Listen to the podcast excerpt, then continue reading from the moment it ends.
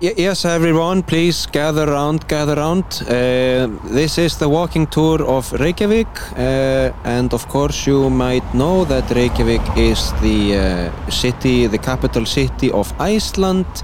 It is sometimes we say our only city, you know, because Akureyri is not a city. yes, yes.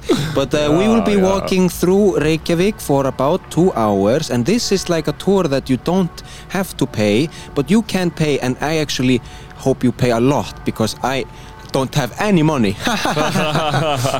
Uh, yes, but here on the right hand side we can see uh, our hero Jón Sigurðsson. He is uh, uh, on the you know 500 krona bill and he is our national hero. But, uh, excuse me, uh, what what uh, what did he do? Uh, yes, so, so we had a war with Denmark, uh, kind of like a, uh, you know, a, a- a independence war, and he was our hero in that war, and we won. No, no you lost.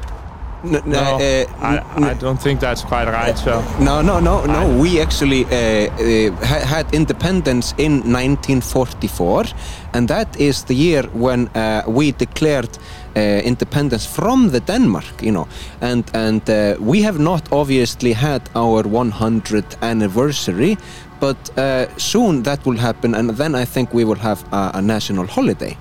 Yeah, I, I, I, I heard that uh, uh, we let you go. Yeah. we let you go to save you from. Uh, Oh, the you are from Nazi Denmark, sir? Invasion. Yeah, yeah, yeah. I, um, ja, mi- mi- min man her, uh, undskyld, uh, he is, uh, we are from, uh, from Odense. Yeah, ah, very yeah. nice, very nice. Welcome to Iceland. How do you like it so far? We uh, we really like uh, the Sky Lagoon was very good, uh, and uh, um, we love we love also the the hot dog. Beautiful. You know, in Iceland we have also a, a different type of hot dog when you can have two hot dog in one bread. And we call it tvíhleypa. Oh my God! Yeah, that sounds like a dog for me. Yeah, yeah, yeah. We use you know tvíhleypa sometimes to to hunt. We hunt for uh, ptarmigan and and and all kinds of birds. And this is kind of an Icelandic tradition. Two dogs, one bread sounds a little dirty to me. Yes. Are you also from Denmark, sir? No, sir, I'm from Arizona. Oh, very beautiful. Thank you. I uh, I have not been, but I have been to New York. Yeah, great city, great city. Yes, but speaking of great cities, here we are in Reykjavik, and and and there is all, actually a, a, a restaurant over there called Apotek, and this is uh, the first restaurant in Reykjavik. Uh, Apotek is an Icelandic word for uh, like a pharmacy.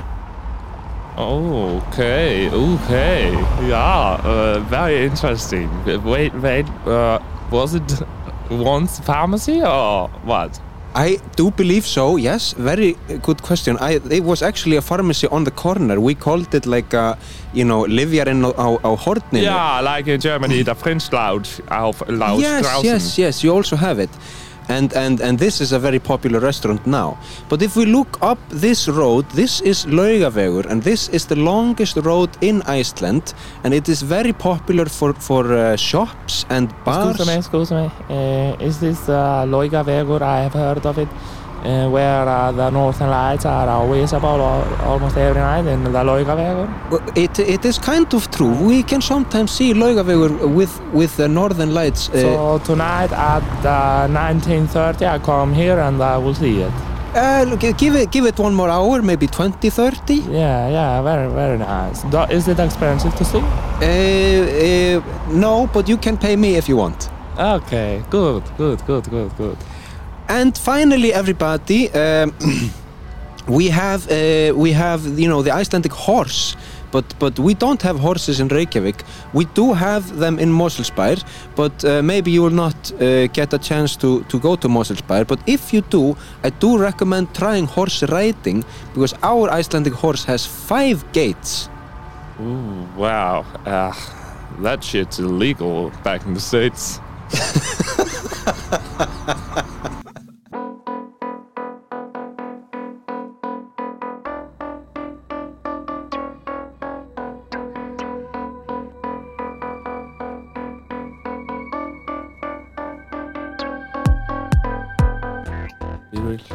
Yey Hérna, já, alveg hrigalegt maður. Ég var með einu sem með ítalskan hóp. Mm. Fór með frá Seyðisfyrði og inn í Fljótsdal. Já, N- Sko, lengst inn í Fljótsdal. Ég veit ekki hvort það hefur komið eitthvað. Það er hérna bara óbyggðasetur. Nei, Lengra en, en hérna já, já, já, er það Já. Og Skriðuklaustur fram hjá því. Mm Og þau voru alveg hrigaleg sko. Ít, Voru ítalir? Já, þau voru hrigaleg Já, já, já, og einhvern tíma einn þýskan hóp og einn bandarskan og síðan hefur ég bara ekki snert það. Nei Nei, nei, ég var að gæta í fimm ár og það er bara nóg, sko Ég Já. þarf ekkert að, hérna gæta mikið meira uh, í bráð Mér fannst svona, þetta var eins og ég var að upplifa martröð leikarans alveg í marga klukkutíma, skilur bara ég vissi ekki hvað ég ætti að segja og þegar ég var fremst í rútunni þá fannst mér, ég þurfa að vera að tala endalust Já, já, já, já, já. Þetta er rosa held í balans sko, kunst og maður þarf að vita ógeðslega margt til að vera interesting sko. Já, og, þa og það er náttúrulega reynda líka alveg rétt sko að, að það er ákveðin list fólkin í því að tímasetja staðarindir og uh, skáldskap líka og tímasetja þagnir sko Já, að því það er ekkert verra en, en þegar gætar bara tala endalust sko.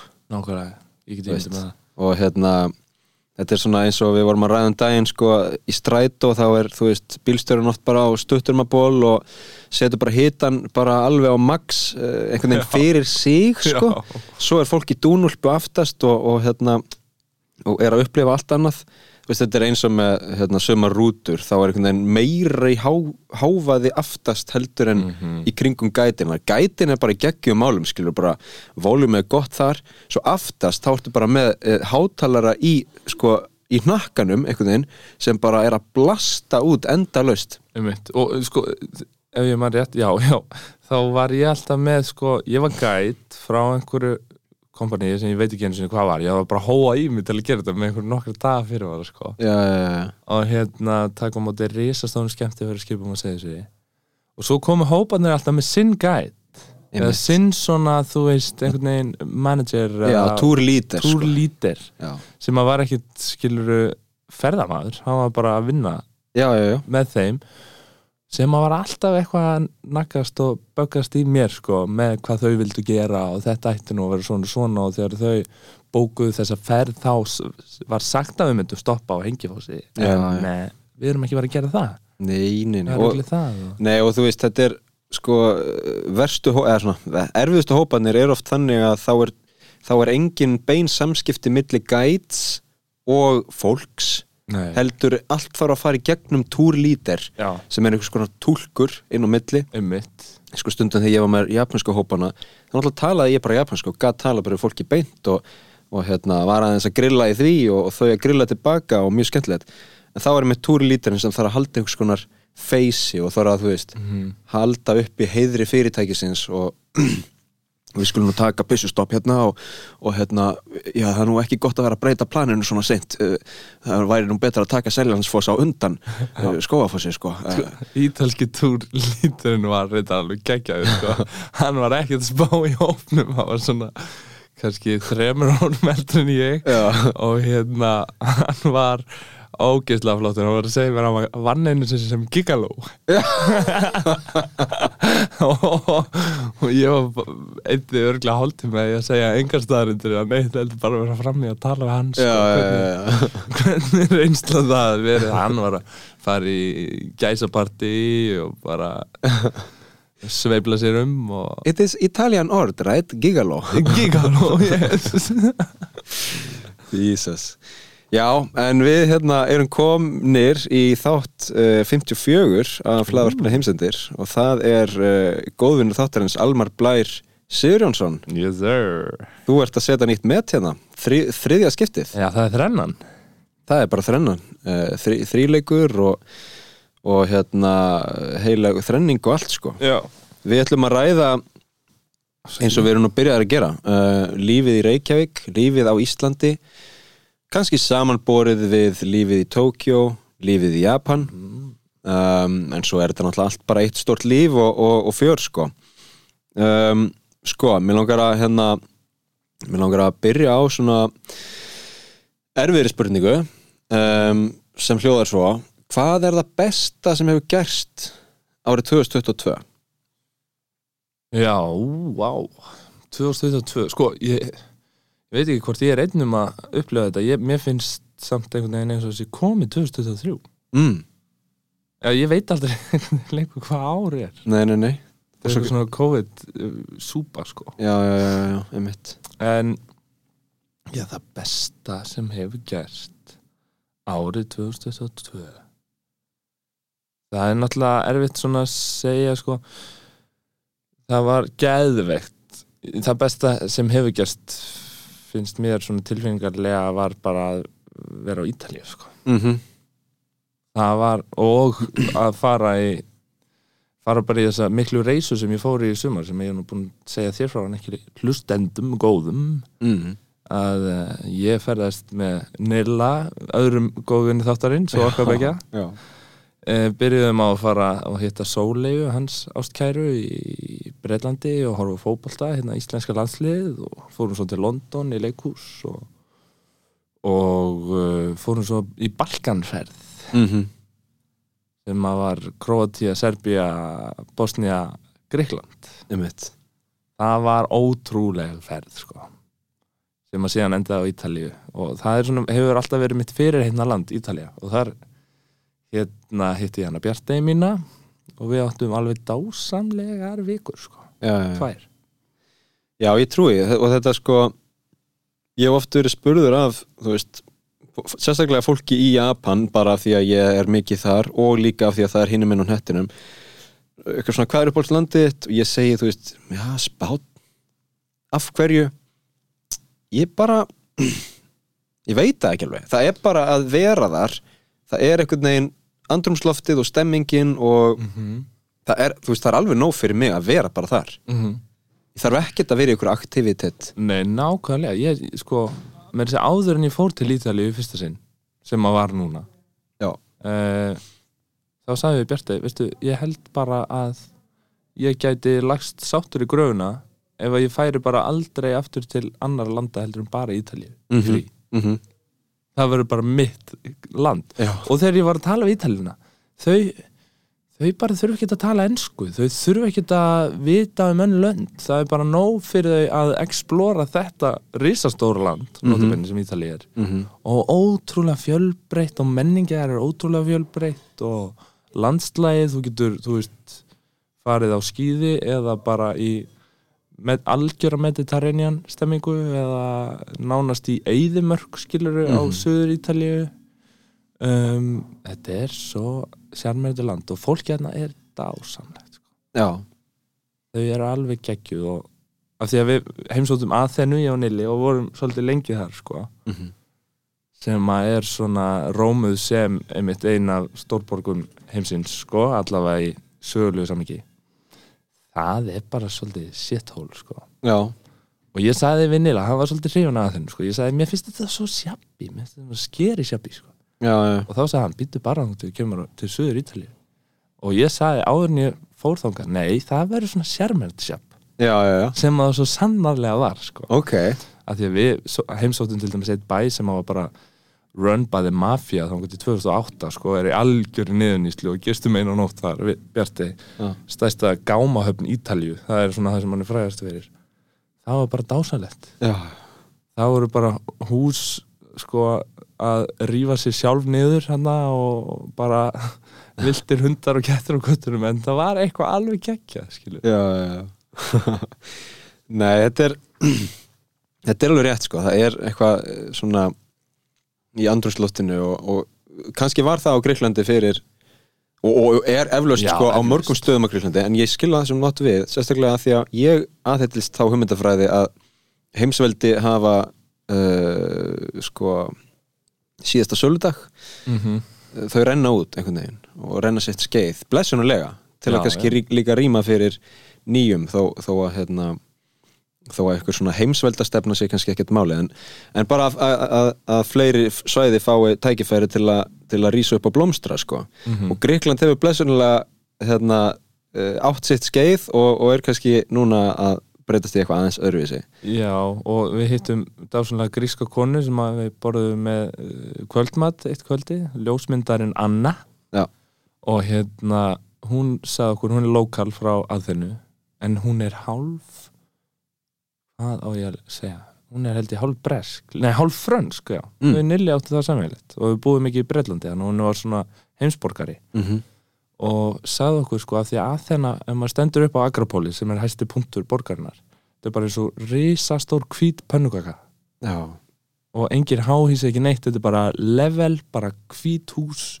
Og þetta eru svona kassalaga blokkir bara eins langt á augað eigir sko. mm hún sagði að þetta var bara byggingastemnan í in the 70s já. byggja mikið, byggja ódýrt og bara ein svona stjórn eða svona ákvörðin frá stjórnvöldum getur bara rústað frábærum potential Mm í borg eins og aðeins sko.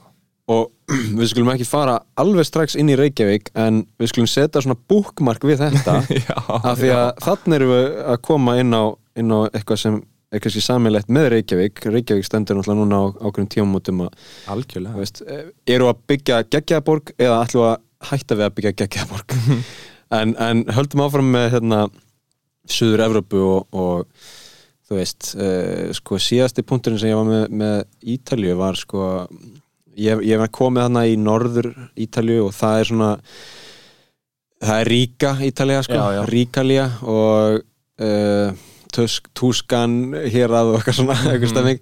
En hérna, svo var ég að horfa og gegja heimilda þætti í gær í annað skipti Ugly Delicious.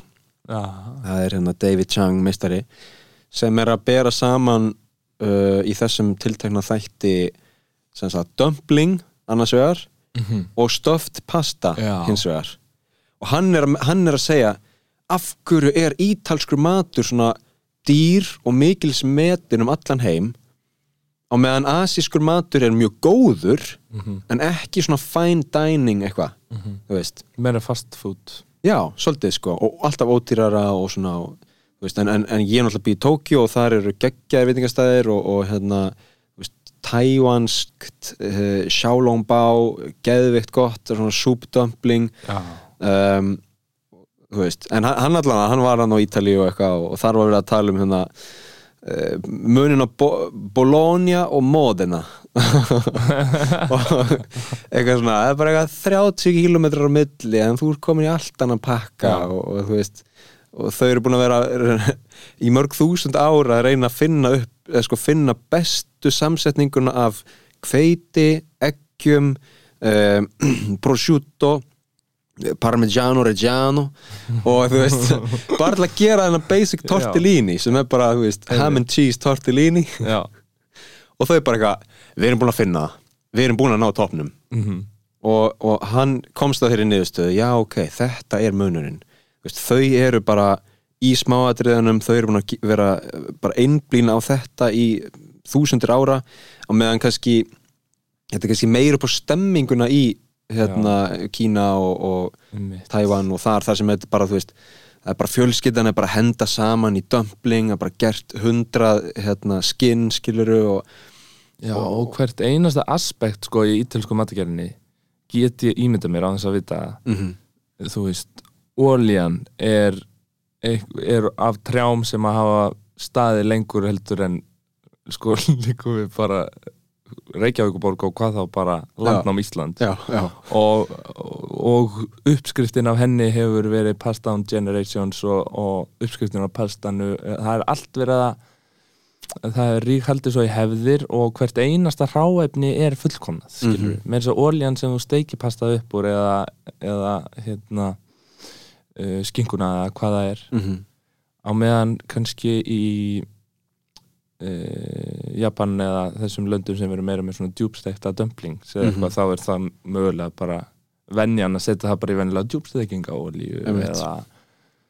Já, algjörlega, sko. algjörlega og þú veist Japan, Japan er svona uh, land minimalismans að einhver leiti um, samt ofta á dýftinni líka Mhm. en þú veist, Japan hefur það orð á sér svona að taka upp að- svona appropriata á góðan hátt alls konar stöf frá öðrum löndum uh, pizzur og, og, og kínveska matagerð og þú veist, bara alls konar matagerð og svona tvíkan aðeins til og Mhm. gera hann svolítið skemmtilega.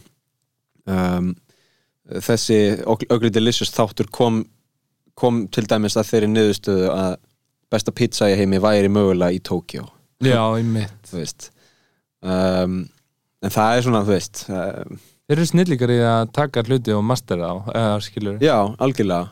Og, og, og svona, já, gera þá að þeirra um, eigið, sko, eigin. Uh, og, svo, og svo er bara spurning hvort fílar meira, þú veist. Hvort fílar meira það sem, sem fólk er að gera í Japan eða það sem eh, hérna, fólk er að gera eh, back in the motherland, sko. Og báðu megin held ég sko samt að áherslan í matagerð sé vönduð og fá ráöfni í hverjum uh, diski Al, já, algjörlega, algjörlega, Skilurðu? og það algjörlega. er alltaf vænlegt til árangur sko. Já, já, já, algjörlega og ég hugsa sko, ég hugsa Ísland gæti gert meira af þessu það Mhm. er svo ótrúlega mikið af góðu stöffi til, sérstaklega í sjónum hérna Hvað hva getur meðal Íslandingur talið margar tegundir af skeljum skelfisk, skilur Já.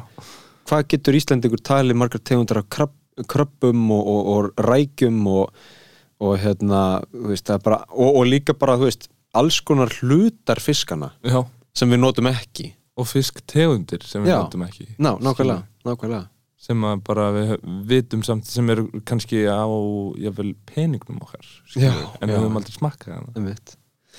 Já, og makrýllinn og svona, þú veist þetta er allt bara selt úr landi makrýll geggjaði fiskur, sko. Karfi, af hverju, af hverju sko, ég er með tvo búnda, af hverju er ekki mánudags soðningurinn stundum karfi? Já, karfi, frábær fiskur. Já, og af hverju höfum við ekki sko í, á öðru leveli hérna tekið svolítið utan um þessa fiski hefð okkar og af því að við erum alltaf að skýra börnum okkar örn og hrafn og og, og svona að bara Jóhannes Karfi Já, hljómar rundar mjög vel.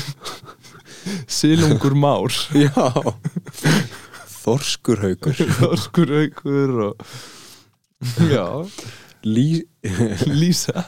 Lísa náttúrulega með ypsiloni já, Já, algjörlega. Gabriela Ísa. Nei, meina, þú veist, það væri einhver geggjaður sushi staður í Reykjavík hérna uh, annar en Tokyo Sushi. Sem hérna sem hérna væri bara, veist, ekki að vinna með þessar rúllur og að jóðla hérna Já. sweet mayo og chili mayo og djúbstekja svo jóðla svo meira og djúbstekja aftur, skilur Já, eða væri bara, þú veist, nei, nei, við erum bara með hérna ferskan skelfisk og hrísgrjón. Einmitt. Leif ykkur að smakka þetta, þetta eru breiða fyrir því mm -hmm. skilur það kannski kemur að því. Og ígulker líka. Ígulker eru sko ígulker eru örgulega dýrasta í Japan Já. sem getur fengið.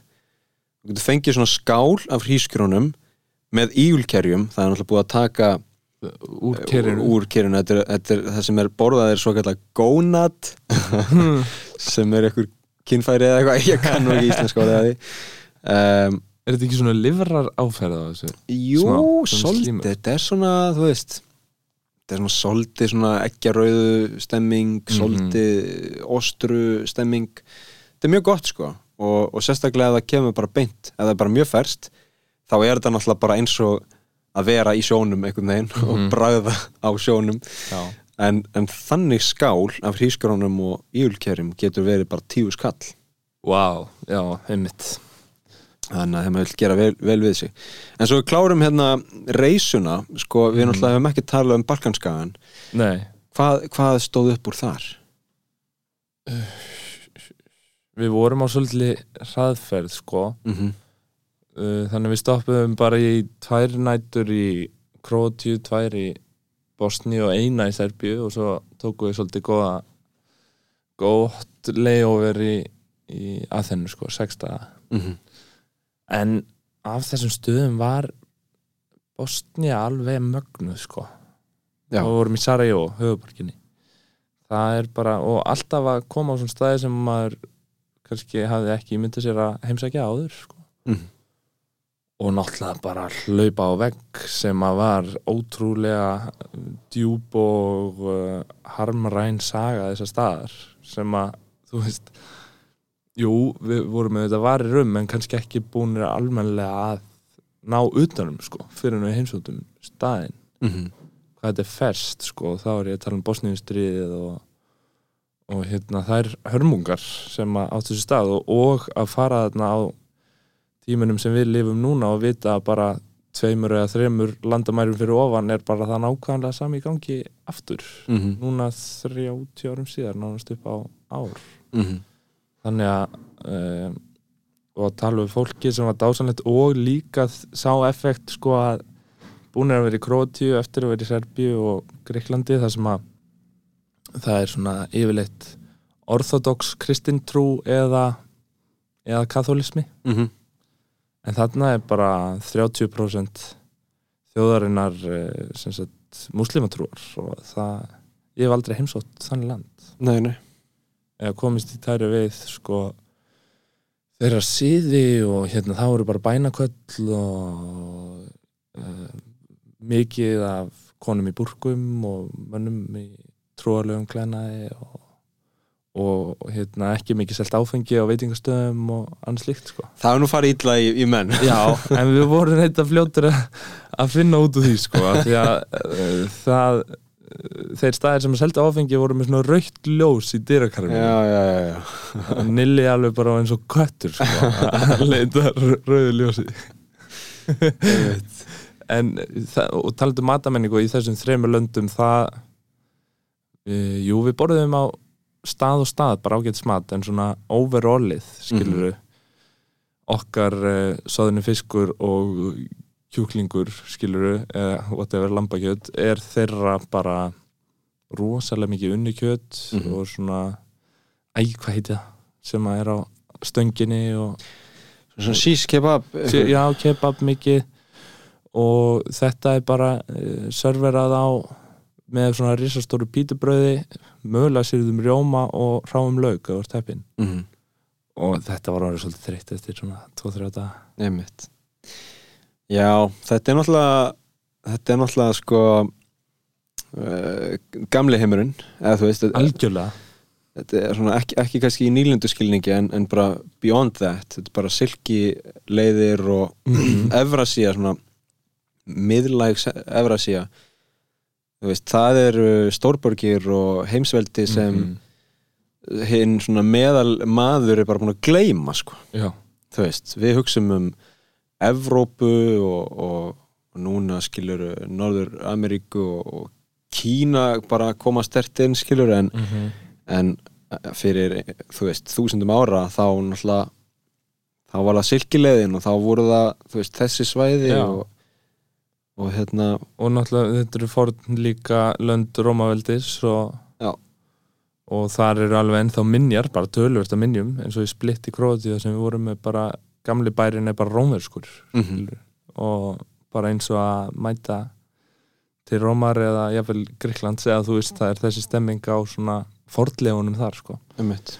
og svo í Bosníu mjög merkilegt sko að þau eru alltaf að reyna að komast inn í Európa-sambandið Mm en bara fylla held ég ekki út í eitt box sko Já, að já, já, einmitt.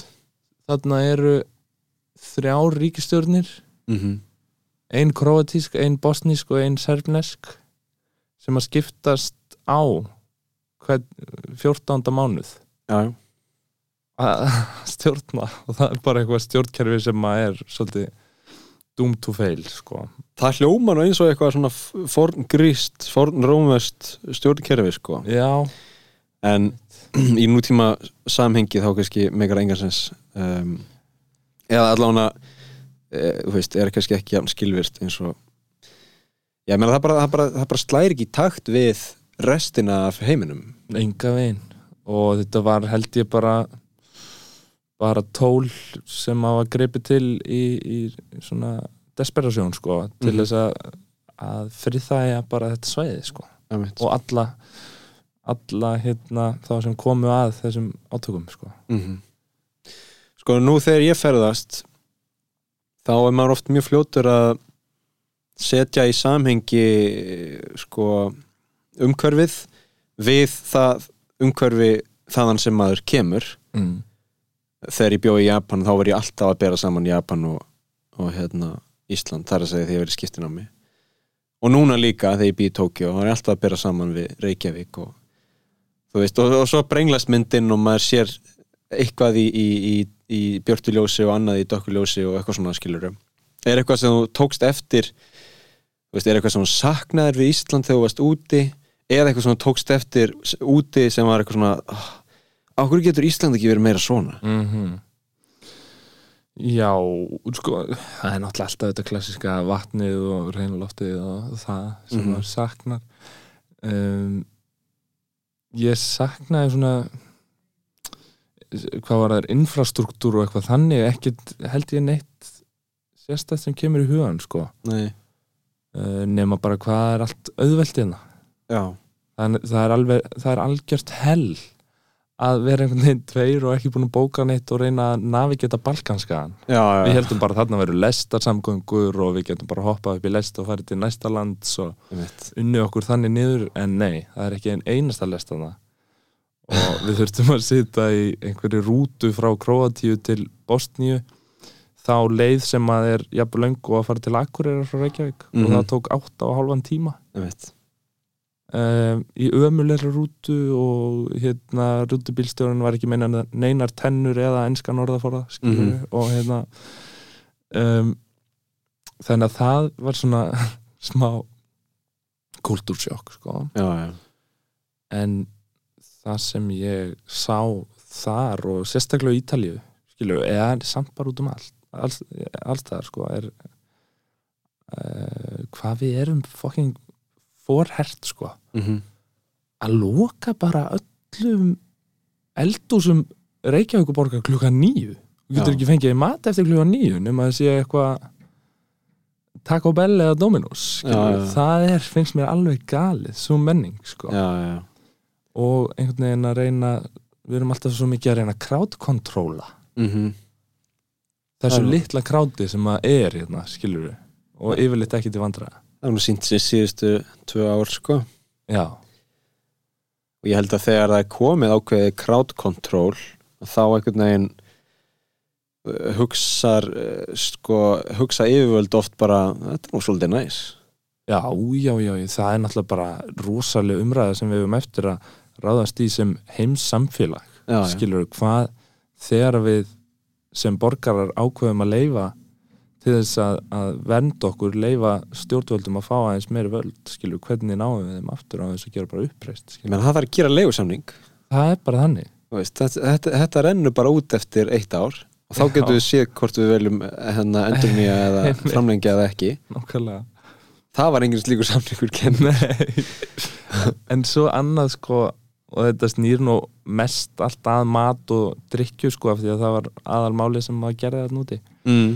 að hérna og það er eiginlega yfir allan balkarskagan og aðalegi til í og aðalega síkilegi að hérna setast á stað einmitt kannski klukkan 10.30 og ekki búin að borða kvöldmatt og það er bara hægt að fá kvöldmatt og Mhm. vín og eigandi staðarins kemur bara og sest hjá þér skilur Mhm. Já, spurði hvað þú kemur og við hérna eignum stann um, Giuseppe. Já. sem að ég mun örgulega senda jólakort skilur hérna í frá. Mm sem að er bara dásanlegur maður sem að rekur stað í sikilegi með uppskriftum ömmu sinnar og ég fekk bara besta lasagna æfi minnar. Og hann bara spjallaði við okkur og var á, áhugasamur um okkur og þú veist, ég sæði þetta mjög tæplega að gerast í Reykjavík sko. Einmitt. Það er sko 20 í því um, það er náttúrulega annars vegar það að við eigum ekki 3000 ára matarsögu mm -hmm. sem er bara mjög eðlilegt landafræðilega eru, eru við staðsett þannig að það er bara eiginlega ógerningur Mm -hmm. ég að sé engin önnur þjóð á, á þessari breytargráðu sem sem hérna þú veist, er með ótrúlega fjölbreytta matargerð Nei Öll Skandinavi er bara eldhúsið í Skandinavi er að reyna að uh, ríti fæna sig núna, skilur Já. reyna að finna eitthvað rætur og skilur það er smörrebröð og síld og Já. eitthvað kartöflumús, skilur og ég meina mörgum stöðum á Íslandi hefur nú tekist vel til að gera gera hérna góða matseld sérstaklega í kringum fisk og svona. Já, já.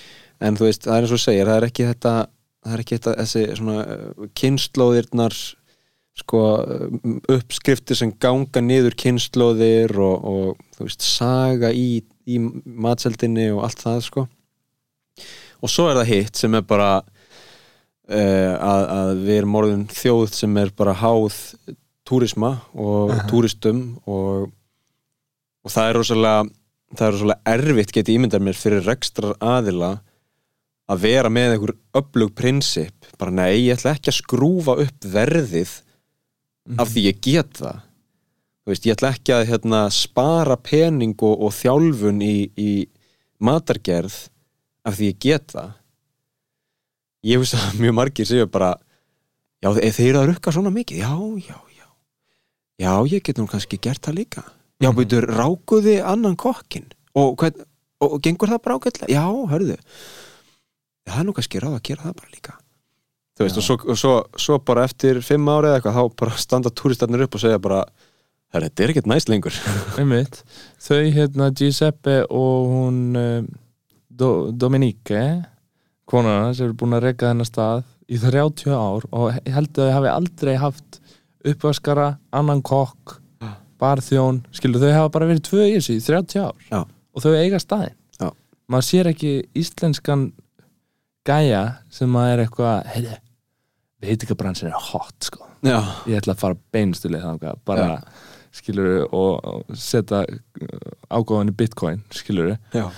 Viðkomandi er ekki að fara svitna á gólfinu í mörg ár sko. Gerir það kannski fyrsta hálfa árið upp á appearance Mhm. og svo bara ræðan og rekstastjóra og þetta bara mallar fyrir hann já, svo bara skala út. Já, útibú hér útibú í salakörun í Kópói eitthvað svona. Já, mér finnst bara vanda allt passjón í íslenskan veitingarekstur og ég segi þetta sko með mjög stórum fyrirvara um, um, um að það er eflaust mjög mikið af passjón í íslenskum Mhm. mm veitingarekstri. En, en svona ég er svona stolt sko og að gestristni fyrst og fremst vanda sko.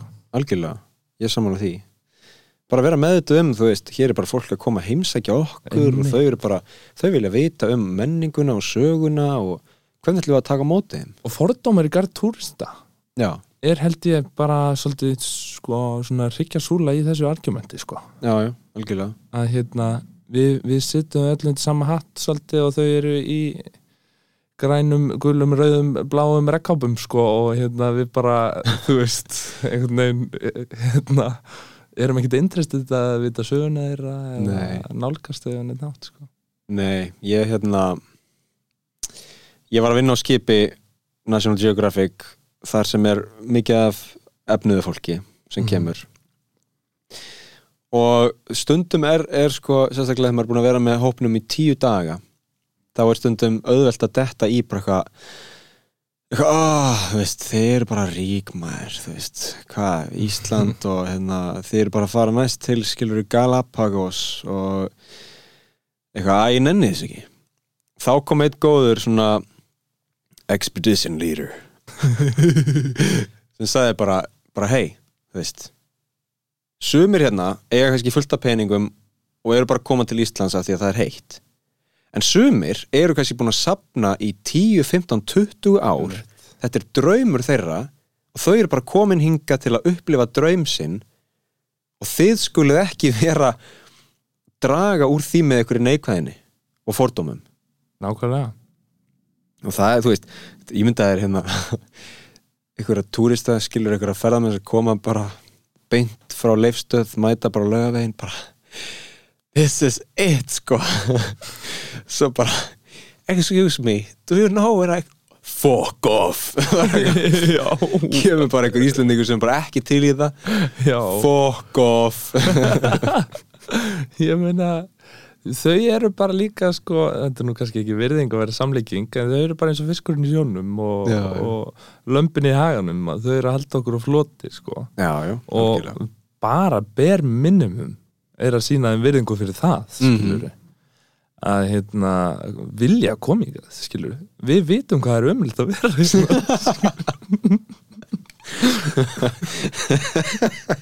já, já. Stundum. Stundum sko. Æj, æj, æj já, sko. Nú skulum við peifa þetta yfir í, yfir í hérna heimsendi. Um, Yes. Uh, Svona bara quick, quick take Er heimsendir í nánd?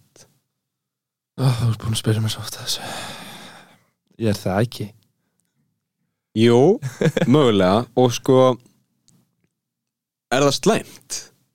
Ú Já, ég meina maður vill kannski gera eitthvað aðeins meira við sinn karriér áður en hann kemur og eignast batn eða eitthvað en það er kannski mjög sjálfsest sjóna mig sko.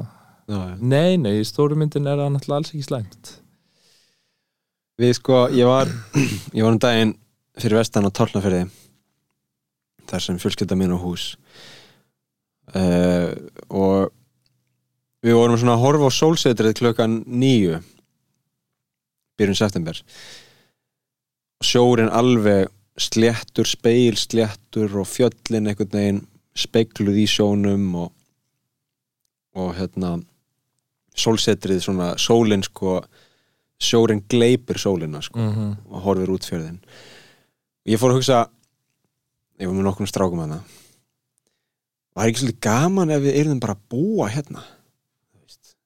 Ef við erum bara að setjast að hér ekkert rafmagn og ekkert vatn og, og við erum bara að einhvern veginn að, að kannski gera svona litla virkun og, og og veiða og fara að þurka fisk og eitthvað svona og, og svo kannski ef við förum aðeins meir út í skáldskap sko, ef það er eitthvað svona ófrænjur og verur og eitthvað svona þá, þá myndu þurfa að gera svona varðturn og skipta vöktum sko og gera boga og örvar og eitthvað svona.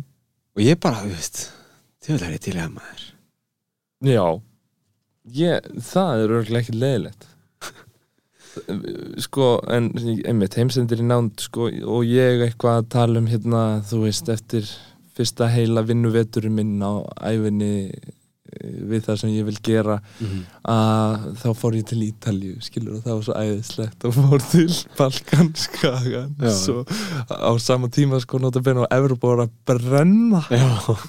Við keirðum framhjá á leiðinni söður Ítalíu þá keirðum við bara framhjá reisastórum uh, búsfæjar skilur og það voru bara þyrlur að koma hérna með að droppa vatni og eitthvað svona og bjartegi áður en hún kom að hittum á Ítalíu var bara nánast búin að hætta við sko. Og já, bara, já, hérna, já, ekki þannig lað en, hérna, fréttaflutningurinn var þannig að Evrópa væri bara inferno já. skilur sem hún vissulega var á einhverjum stöðum. Og æ, það er svo ógeðslega að fyndið að vera til í dag Ég meina auðvitað er það þannig að veist það, það hérna fréttaflutningur í dag er þannig að það er alltaf bara að pikka það sem er mest krassandi og -hmm.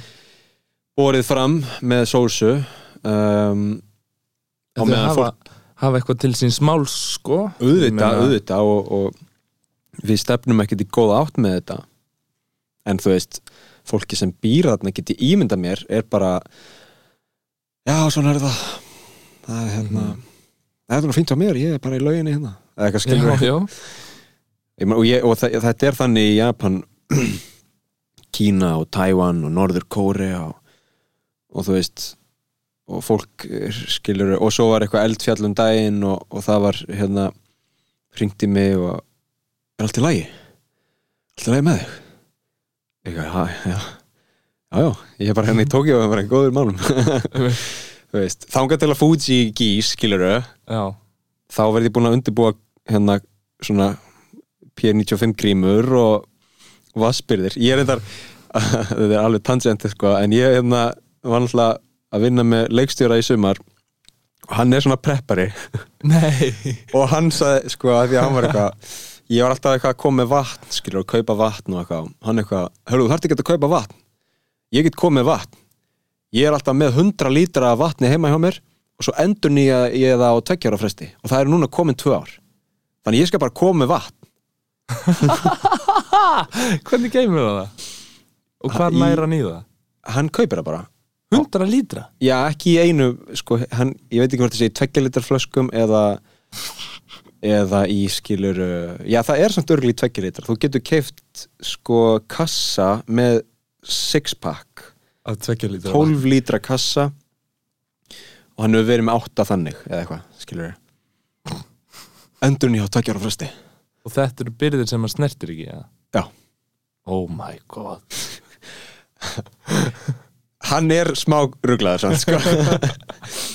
Hann er next level en, en hérna ég var alveg til að sjá safe, safe rúmið hans sko neðan ég er að byrgið ég meina, þetta er sko, maður segir að þetta fólk sér klikkað uh, tölfræðin segir að þau séu ekki klikkuð nei, um þetta og líkindareikningurinn segir að þau séu bara frekar uh, bara smart sko já, já. meina, það mun eitthvað gerast sko. já, já, það mun eitthvað gerast sko og ég mæli með því fyrir fólk að að prófa aðeins að hafa áhrif á algoritman á YouTube að þú tekur svona fimm góðar leitir í röð, þú veist Já. When, eitthvað, when is the world ending? The world is ending now. Og eitthvað, the markets are crashing og svona shit. Should I buy gold? Þá ertu komið með nokkuð góðan vegg sko. og ég meina, það er bara svo margt núna og það er eflaust alltaf margt núna skilur en uh, ég heyrði það í vinnunni. Ég er ekkert mikið sko svona fjárhagsmál og þannig ég, ég þekki það ekkert mjög vel. Nei, nei. En ég heyrði það út undan mér í vinnunni að uh, sérfræðingar segja að framöndan sé bara stærsta, uh, bara the great reset ég mitt á fjárhagsmarkuðum heimsins mm -hmm. mörkuðum Mm sem að uh, bara mun uh, sem, sagt, sem að þýðir það bara, það bara verður ekki til og við þurfum bara að resetta Mhm. er það ekki? Jú, ég hef svo sem ekki kynnt mér það sko en jú, ég menna, margir er að tala um það að þetta verði einhver, einhver ma- major krísa sko bara svona monster kreppa Já, já, og að þú veist að fólk þurfi að hérna, endurskipuleikja sín fjármál og eitthvað svona ég hef líka heyrt fólk segja hafið ekki áhyggjur Mhm. um, og það, það er líka vandamáli við YouTube að, að hérna, algoritmin er svo fljótur að pikka upp Mhm. að eftir smástund þá ertu bara að koma með ein, einróma rödd sko. Já, sem segir ekki af ágjur eða hitt sko. já, um, það fer eftir bara hva, hversu jákvæður þú ert í leitinni já, já, já. en, en það er, svo er alltaf gott að veist, leita alveg á móti Aha. um, Will China invade Taiwan og svo leitar það næst The reasons why China won't invade ef við skilja, Aha, Eitthvað svona? þá ertu hérna vonandi með, með aðeins skýrari mynd á það sko. en sko fyrir utan náttúrulega hvað ég er mikill David Attenborough maður og, og horfi mikið á það það er svona mín helsta áhyggja hvað var þar heimsendi sko eða það, af því að það bara liggur á mínu áhuga sviði mm -hmm. og það er svona mitt það er mín taug gagvarti skilur eru, eru líffræðilegur fjölbreytileiki og heimkynni dýra og náttúrulega mannfólk skilur sem eru í Mhm. hættu. Það er svona aðal hérna, tryggarinn minn hvað var þar heimsendi, yfirvóðandi og auðvitað stríð í Evrópu er, er stór faktor en, en hérna, fyrir utan það þá finnst mér bara heimun vera svolítið og framtíðin vera spennandi sko. Ég held að við séum á mjög spennandi tímum sko. aðeins til að kommenta á með dýrin um, ég las um daginn frétt sem var eitthvað nú þurfa gærbæðingar að fara oh taka á honum stóra sínum varandi máva. Já. stinga á ekkin stinga á ekkin ég heyrði svo geggja að greina um þetta. Þetta er svo galið. Þetta er gjörsanlega galið. En hérna uh, ég heyrði frábæran pisti lengst þar á rúf. Það var heimsbyggingur að tala um þetta. Að þetta er náttúrulega bara tegundarhróki mm -hmm. af því að út frá einhverjum uh, mennskum fegurðar og krútstöðlum þá eru mávar ljótir og pyrrandi og, og, og endur eru sætar Mhm. og krútlegar. Þannig að við höfum bara ákveðið að bara útrýma og föttum ekki að rót vanda sér rúglega við. Algjörlega. og svo breyting sem við höfum haft á þeirra líferni og, og hérna vistkerfi, skilur þess vegna er svona mikið að máðum af því að við erum að fucking grilla og henda beinum í ruslið eða eitthvað og þeir það er nánast allt í heiminum rökrétt nema mannfólk. Mm -hmm. þú veist, máfurinn er ekkit eitthvað pyrraður nei. Máfurinn er bara upp á þaki í sjálandi að leita sér að maka skilur Já, sem hann hefur gert í þúsundir ára sko. og fólk eitthvað, ég get ekki sofið, þetta er ærandi. Þú býrði þú býrð á varplandi. Það var, by- það var bara byggt skilur nákvæmlega. Þeir kom ekkert. Það er bara, fólki kom. Í Indlandi er einhverjir apar núna í, í, í nýju deli. Þetta er eitthvað ræðilegt að, hérna hoppinu glugga hjá fólki og stela unga bönnum það er reikalegt og eru bara eitthvað svona algjörir þeir eru svona eins og búlís í nýjöndabekk bara Já. á göttunum eru Já. bara að kýla fólk og eitthvað samræmdir og þá hérna brúðu indversk stjórnveld á það ráð að ráða hérna menn og konur svona í réttri stærð til að fara í búninga annara apa sem eru náttúrulegir óvinnir þessara apa já, já, já fólk í búningum sem einhverja apar og búin að læra einhver köll. Þetta hljómar eins og sko, vinna fyrir nýjútskrifa leika já, 100% já, já, já, við erum svo steikt. En, og uh, til að loka þessu þá horfði ég á, hérna það eru flottið þættir hjá honum Obama á Netflix, Our Greatest National Parks.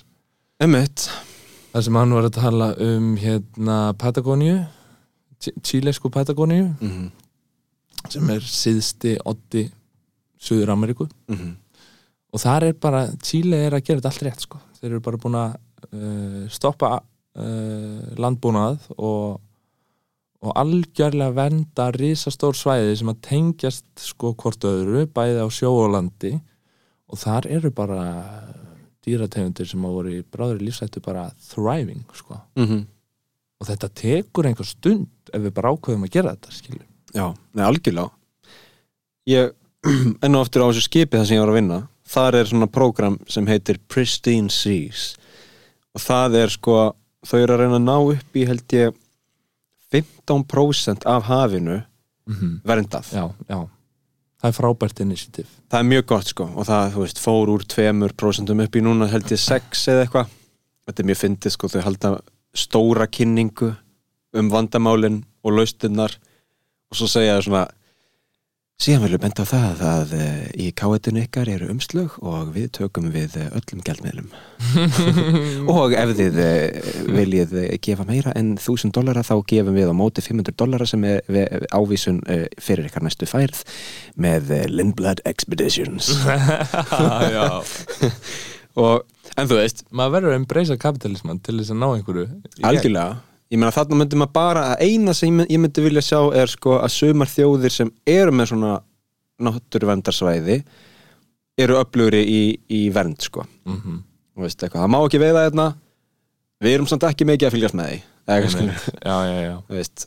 En, en eins og þú segir þar sem þetta er gert rétt þar koma tegundir tilbaka á fimm árum, tíu árum sérstaklega í sjó, það tekur skemmri tíma í sjó sko. Mm -hmm. Af því að ef þú er your average fish Já.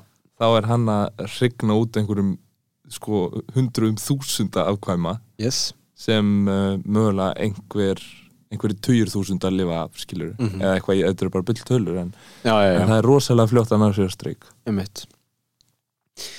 Já, ég held að við séum einmitt á mjög spennandi tímum sko og, það er kannski bara að einhverju leiti gott að við okkur blasa svona mörg vandamál mm -hmm. af því að þá uh, þá þurfum við að gera eitthvað. Og hvort sem það er sko með vitunduvakningu sem hefur nú átt sér stað svona á, á mörgum heimslutum sko.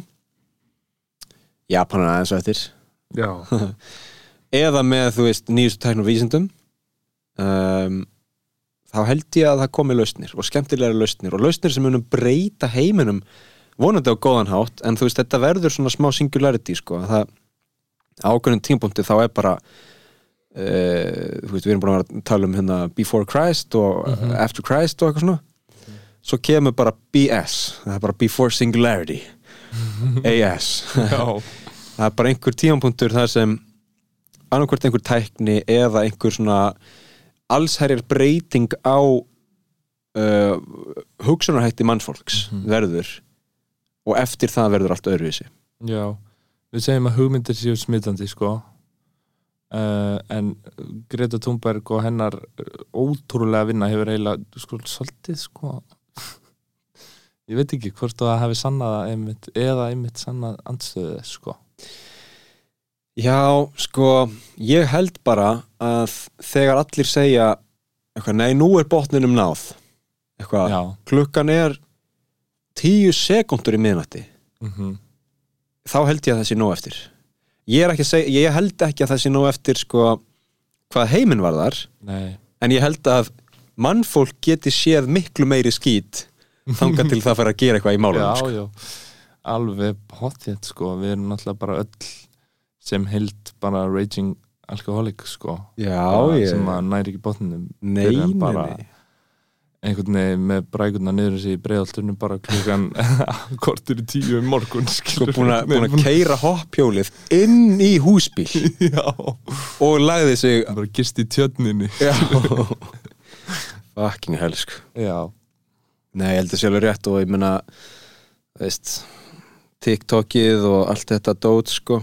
Um, maður er alveg orðin ég er náttúrulega ekki á TikTok sko. Nei, og, ekki og hérna þess vegna skil ég ekkert í því. Nei. En það er víst vinsælt.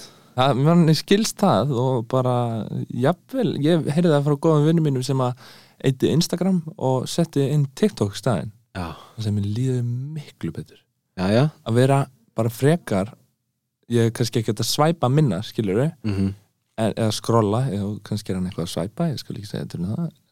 Það væri bara gaman. En, en hérna um, nei, að skrolla ekkert endilega minna en ég bara horfa á kattamömbun, skilur í staðin fyrir að fylgjast með því hvað eitthvað fólk sem ég smá kannast við vill að ég uh, presífi sem lífið þeirra skilur eða það er svo já, já, ég skil já, mjög vel, sko.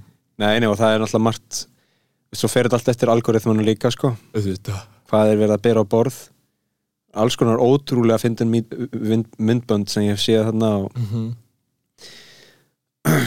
það er, þú veist, já, það er eins og með allt það er hægt að finna það er hægt að finna skít í öllum hotnum og, og hérna, já, já, já en ég held eins og þú segir þetta sé svona svolítið, svolítið tímamót og eftir 40 ár þá held ég að við verðum á svolítið allt öðru sem stað heldur en er í dag sko. Já, maður vona það, eða þú veist, já, það er fakta en hvort að það er gott eða slæmt, það, það verður rast, sko. Hvernig er, er uh, fólk stemt fyrir haustinu og vetrinum? Uh. Vel, hann verður busy á mér, sem er gott, sem er bara mjög gott. Já, Uh, verður niður í leikhúsi og er á frumsýna núna á föstu daginn, hvernig fyrir til lóttið? það er nú það Þú, það. hvað, 16. 16. september en uh, já, það er sýningin sem á himni. Já, söngleikur eða ég kýs kannski frekar að segja sko leikrit með söngvun. Já, þetta er ekki hérna your average Broadway hérna high kicks og jazz hands nei, nei, nei, sko. nei, nei, einmitt. þetta er meira manneskjulegt og svona uh, harmræns saga og svolítið þessu sko. Mhm, og ég hlaka mikið til að sína það allavega fram á áramótum vonandi ef að, pöpullin leifir og mhm, mætir í leikhús. Mhm. Síðan er næsta verkefni hérna hvað sem þið viljið mhm. sem að hérna einu sinni sem yfir þóknast. og fyrst hérna As You Like It. Já, í kringum 1400 og eitthvað hérna það. Eh, sem er eh, gamanleikur eftir William Shakespeare sem sagt. Vilhjálm. Vilhjálm eh, hristi spjótið sko.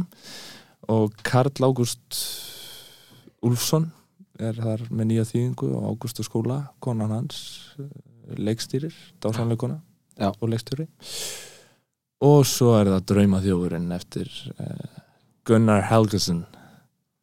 Yes sir. Í vor. Hvað sko COVID er búið. Yeah. Leikhúsin eru komin í gang. Mm Hvað vantar? Já, já, já, já, já, já, já. Það vant vantar svo sem ekki neitt sko, nema bara fólkið af því að við erum ekki farin að staða niður í þjóðleikursi en, Mhm. en ég held að þetta byrja mjög vel eins og í Borgó, ég held þar Já.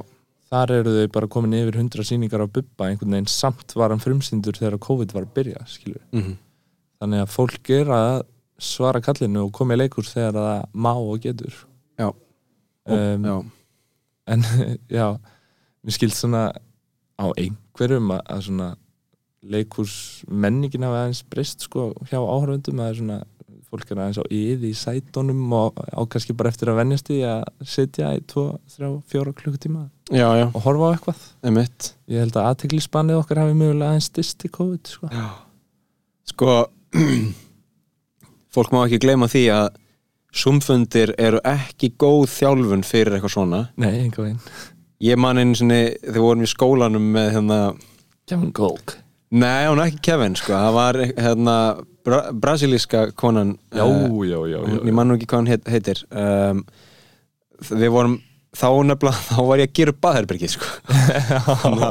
Á einum tímamóti þá var ég að, brjóta upp flýsar einmitt, á meðan ég var að hlusta á fyrirlesturinn sko. Einmitt. Þá slekkur maður á myndavælinni og setur á mjút já, Nei, nei, en ég, þú veist svo er bara líka spennandi hlutir að gerast í sko því að brúa bylið milli þess sem er svona mjög formlegt og formfast leikhús. Mm þú mætir, þú sest niður þú horfir og nýtur. Versus, þú veist, þar sem er bara eitthvað þú getur jáfnvel mætt á mismunandi tímum. Já, sumir eru stutt, sumir eru lengi uh, þú getur jáfnvel verið verið að færa þig á milli staða, ég fór í eitt þannig leikhús í London sem var bara í gömlu vöruhúsi og við fengum svona grískar grímur og gátum bara lappað um og skoðað og svo poppar upp sena hér og þar og, og hérna ekkert í einhvern veginn réttri tímanröð heldur meira bara meira bara hvernig þú upplifir það. Og ég, ég var þarna í þrjá tíma í þessu rými og, og var mjög hrifinn sko og, og, og hérna, það sat ekkit eftir einhver saga, þú veist, ekkit þannig. Mm það sat bara eftir upplifun og, og sameinlega upplifun líka Já. því að við vorum hann hundra áhörundur að lappa saman. Og ég held að það væri gaman í Reykjavík ef að hérna fleiri hefðu svona þor til þess að uh, brjóta þetta meir upp sko. ég veit að það eru margir hópar og margir einstaklingar sem, sem líta til þess. Já, en þú veist, einmitt eins og þú segir ef að, að áhörundur eru á yði og veist, þá það kannski bara búið til sýningu þar sem áhörundur meiga bara standa upp og, og hérna og leikarnir kannski bara fylgja þeim skiluru á, á klósitið og, og hérna býða fyrir utan og, eða skiluru, ég veit Já. ekki, bara ég meina sko, ég, það er einsýning á, á Dasgrá hjá leikhúsinu, þjóðleikhúsinu í vetur sem að heitir uh, hún heitir Aspas held ég og er leikstýrt af Guðrún og Gísladóttur leikinn af Snorra Engilberts og Eggerti Þorleifs mm í valinni Verslun Krónunar já, sem er snilt sko. Og allt svona, þessi skref finnst mér mjög spennandi. Mm en sko ef að á að gerast eitthvað fundamental í sko því hvernig stofnanir og svona megin ströymurinn í leikhúsi breytist á Íslandi þá þarf þór til þess að, frá stjórnvöldum til að byggja danshús hérna. Já, og almennilega almennilega grind í kringum uh, íslenska danslokkin held ég sko. Já. af því að það er langbesta betti til þess að fara eitthvað að rulla í því að breyta breyta svona menningunni í, í sviðslistum á Íslandi sko. Algjörlega og, og þess má getið að, að hérna, þessi sýning sem ég var á, þar voru dansarar eða þú veist, Mhm. einungis já, nákvæmlega og engin, engin þrjóska við að vera eitthvað að skilgreina Veitu, hvað er þetta? Er þetta leikhús? Er þetta physical leikhús? Eða er þetta dansverk? já. Það var bara engin að pæli því dans er svo geggja það, hann hefur svo mikið leifi til að sko rampa á mörgum myndlistar og leiklistar og Mhm. bara gjörningsins og alls þessa sko og ég held eins og segir með veist, verk sem gerist í krónunni það getur haft svo, svo það getur haft svo mikil áhrif á manneskjörna á áhörundan sko, að sjá eitthvað sem er hlut af hverstagsleikanum Mhm. og svo eitthvað sem er svona í, þú veist, ákveðni glansmyndið á jáfnvel einhverju stalli sem er leikhúsið svona í hefðbundum skilningi renna saman og svo ferðu bara næst á mánudaginn í krónuna og þú hugsar hann að satan bara maður. Já, nákvæmlega. Búin að hella mjólk yfir sig allan sko. Já, algjörlega. Í staðin fyrir að mæta alltaf í hérna, sæti 13 back 4 og hugsa, þarna siti ég alltaf Já, skilur, já, og horfi á eitthvað sem er mér skemmtilegt nákvæmlega. En Þetta verður spennandi að sjá maður. Uh, Ég hvet alla Íslandinga til að fara í leikhús sem betur oftast Jésús ég ég ætla að standa vaktin í Tókjó og sjá hvað er að frétta á, á stóra sviðinu þar og litla líka og engu sviði líka uh, og, og hérna bera fregnir af því heim sko Mhm. og bara eh, svo það komið fram þá eru öll leikhús bara og, og sviðslýsastofnunum með mjög spennandi vetur framöndan sko. -hmm. Borgo með geggjuverk með hérna, Macbeth sem ég laka mikið til að sjá hérna, Shakespeare verk og því er leikstýrt af okkar allra bestu úrsúlu frá Litáin sem Já, við við, að hana. Og tjarnabíó með geggja line og, og leikfélag líka.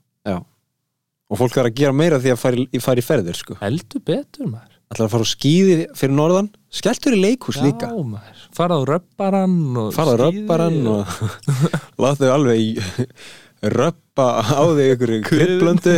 Já, spicy heaven og ó búi já maður, ætla að það gott. Ég, sko röpp 23 af því að það eru 23 kryddblönd, kryddblöndur Já, er talandi um að fá sko valkvíða.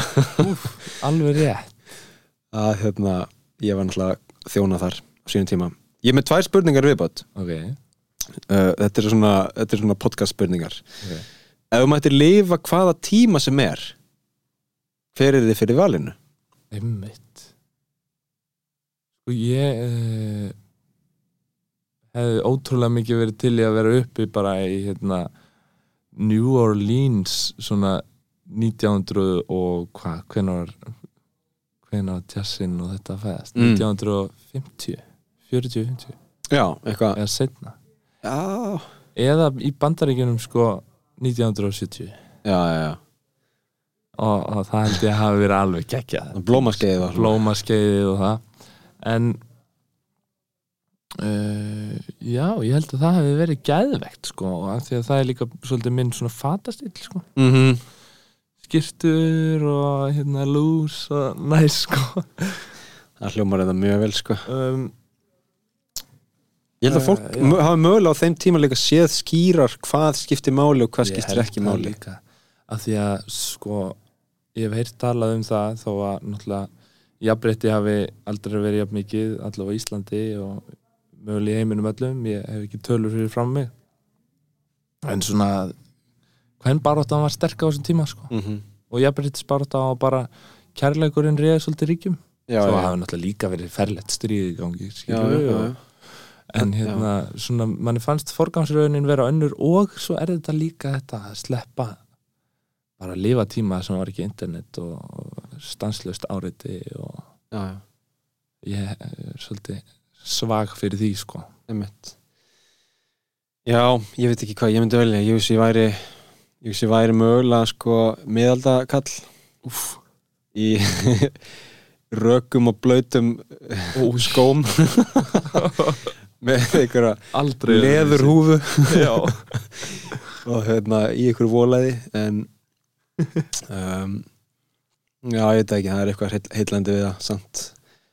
Lúðra þittur og villisur já. galdra nornir merlína hátegisbrennan hátegisbrennan og hérna, svo reyndar er náttúrulega mjög sérmyndi að hafa lifað annarkvort heimsveldi sko Róm eða Gríkland já, já, öruglega sko nema að þú varst þræll.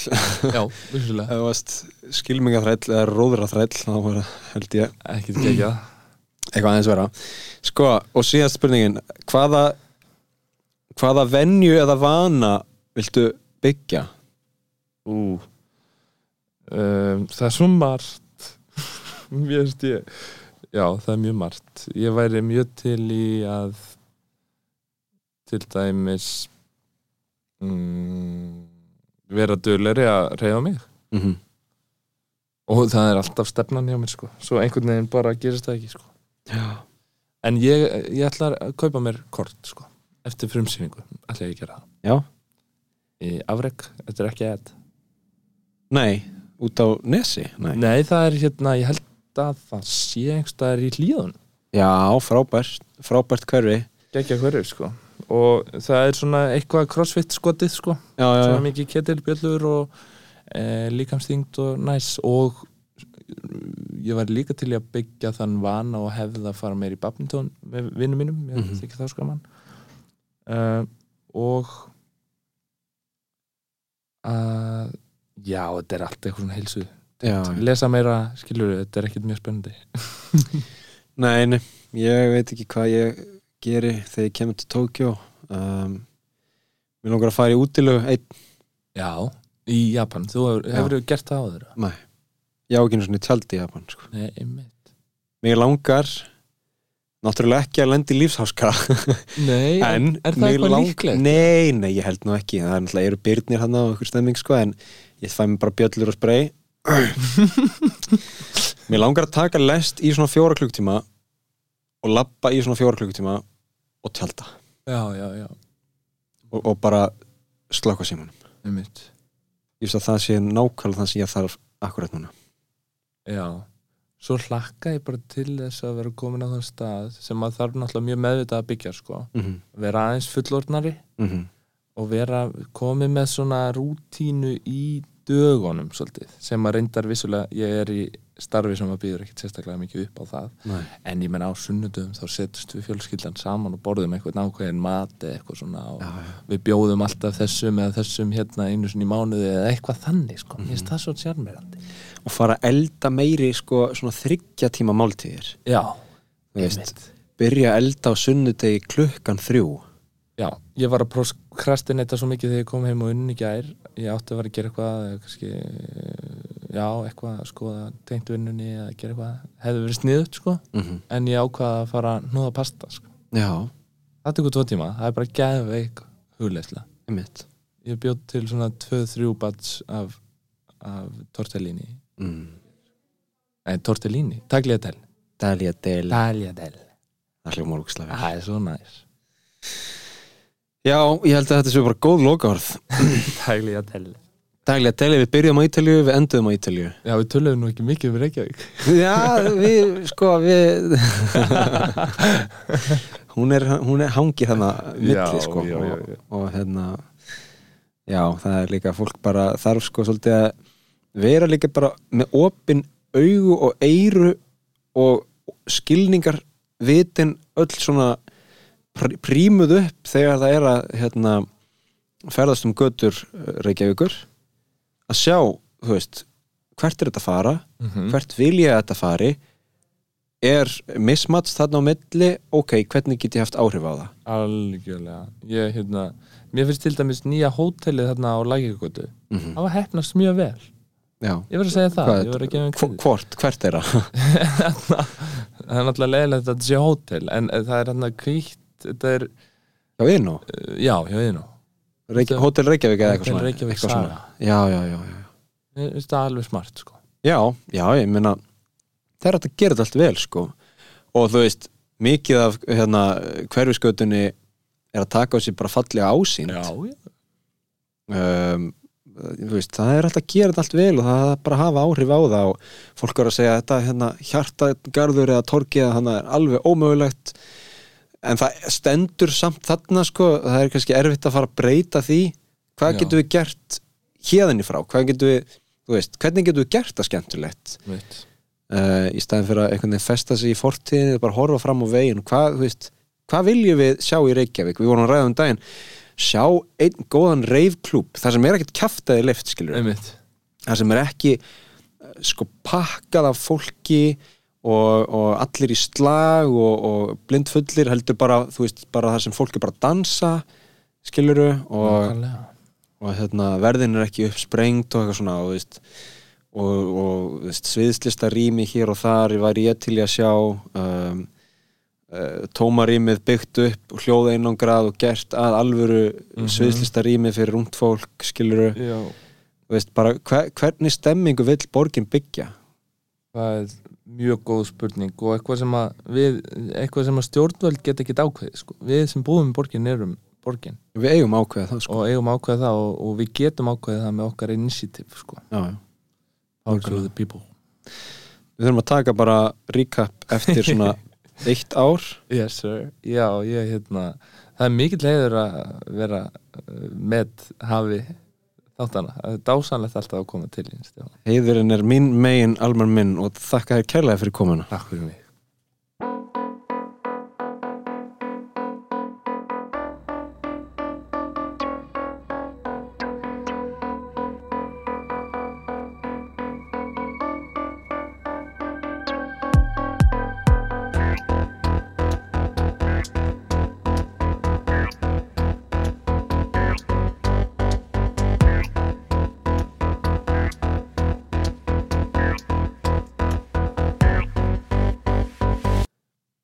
Kæru hlustendur, takk fyrir að hlusta.